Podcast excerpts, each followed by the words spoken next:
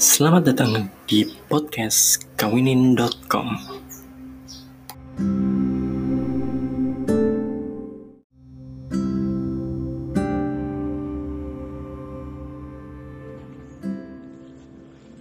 Assalamualaikum warahmatullahi wabarakatuh Hari ini sehari 5 menit yang keempat Ada yang nanya ya di grup Kalau gimana sih cara minta izin ke orang tua Sedangkan belum selesai tadinya ya? Nah. Nah eh, Kalau saya sih gini sarannya. Buat teman-teman kalau memang udah punya niat nikah Mau udah ada calonnya atau belum minta izin aja dulu. Tapi minta izinnya jangan terburu-buru langsung bilang ayah ibu aku mau nikah. Nggak gitu. Pertama pakai kode dulu tanya misalnya e, bu dulu ayah ngedeketin ibu gimana sih bu? Bu gimana sih dulu ayah ngajak nikah ibu? Dan ya kode-kode semacam itu. Nanti juga orang tua ngerti. Paling ditanyain kamu kenapa nanya-nanya gitu? Kamu emang udah pengen nikah? Gitu. Ya itu salah satunya caranya. Intinya ngomongnya santai, santun, uh, terusnya jangan menyakiti hati orang tua dan ya dibawa bercanda dulu, kode-kode dulu gitu. Kalau orang tua masih belum peka, ditingkatin uh, frekuensi kodenya, misalnya jadi seminggu sekali atau jadi seminggu dua kali. Tanya aja hal-hal semacam itu, atau tanya misalnya, uh, ibu menurut ibu uh, apa? Aku calon suami yang cocok buat aku kayak gimana ya menurut ibu gitu misalnya kayak gitu nah cuma kalau misalnya orang tua belum ngasih izin ini biasanya orang tua punya beberapa alasan ya nggak ngasih izin. Ini saya coba bahas satu-satu. Yang pertama tuh nggak boleh karena dianggap belum dewasa. Kalau dianggap belum dewasa ya caranya adalah dengan menunjukkan orang tua itu ngeliat dan menilai kita dewasa atau enggak tuh dari sikap kita bukan kita yang bilang aku udah dewasa kok bukan kayak gitu. Gimana cara nunjukinnya? Misalnya uh, ditingkatin intensitas ngebantu orang tuanya. Tadinya kalian yang kerjaannya mager bahan doang seharian uh, kalian jadi sering bantu orang tua. Entah nyuci piring ngepel bantuin adik ngerjain PR itu dianggap dewasa. Terus yang tadinya kalian sering curhat uh, kalau ada masalah kecil curhat nangis sama orang tua itu dikurang-kurangin uh, buatlah diri kalian lebih bisa menyelesaikan masalah tanpa ada tangisan-tangisan. Itu salah satunya kalau dianggap belum dewasa. Yang kedua karena orang tua takut kehilangan kalian. Nah, banyak orang tua yang misalnya kalian nih anak uh, pertama terus jaraknya jauh sama adik-adik kalian. Atau kalian tuh anak satu-satunya. Orang tua ini biasanya takut kehilangan kalian. Atau kalian misalnya calonnya di luar kota. Itu wajar kalau orang tua takut kehilangan. Nah uh, yang perlu kalian sampaikan adalah kalian harus menjelaskan dengan baik bahwa kalian itu tetap anak mereka. Mereka itu akan tetap bisa menghubungi kalian baik lewat WhatsApp, telepon, eh, video call dan kalian akan melakukan itu tiap hari. Kalian uh, akan terus tanya kabar dia. Kalian akan terus update uh, apa tahu perkembangan orang tua kalian dan kalian harus kasih kabar juga. Kalian harus yakinkan ke orang tua kalian dengan baik, dengan santun bahwa mereka nggak akan kehilangan sosok uh, anak seperti kalian, nggak akan kehilangan perhatian dari kalian gitu. Yang ketiga uh, orang tua itu masih punya harapan sama kalian. Misalnya tadi kayak uh, kalian tuh anak pertama terus jaraknya jauh sama uh, anak kedua ketiga gitu.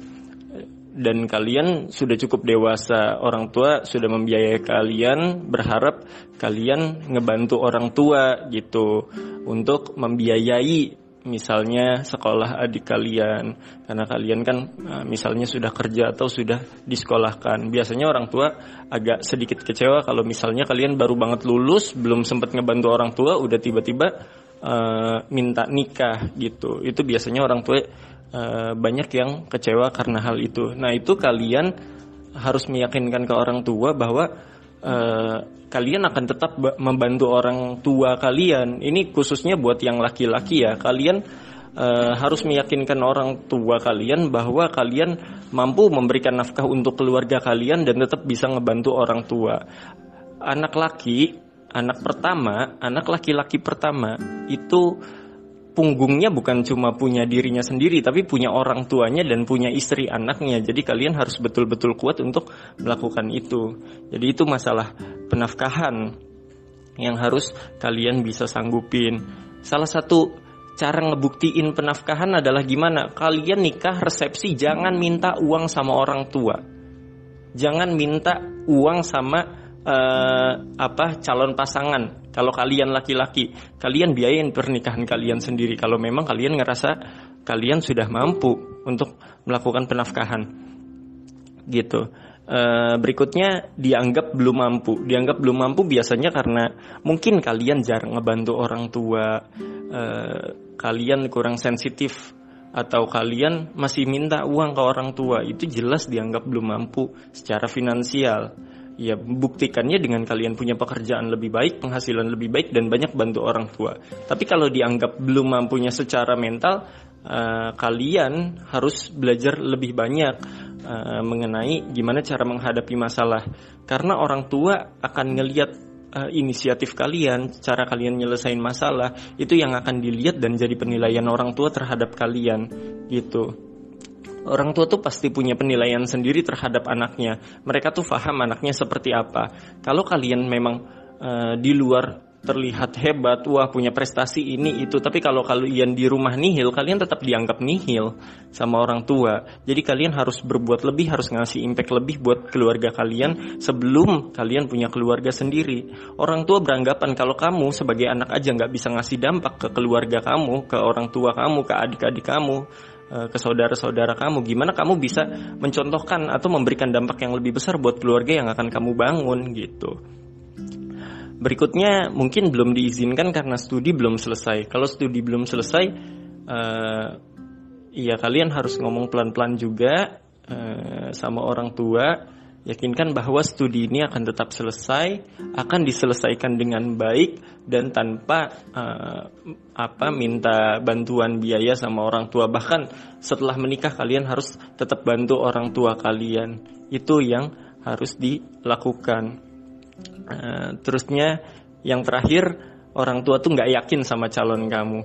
Uh, misalnya nggak yakin karena setelah kenal sama dia jadi ada dampak buruk uh, ke sifat kamu. Misalnya uh, kamu jadi ngelawan orang tua kalian jadi uh, sering keluar malam atau uh, sebagainya. Atau ngerasa calon yang datang ke rumah itu calon yang kalian bawa itu nggak menunjukkan attitude baik nggak menunjukkan akan uh, bertanggung jawab terhadap kalian. Itu orang tua punya pandangan sendiri khususnya ayah kalian.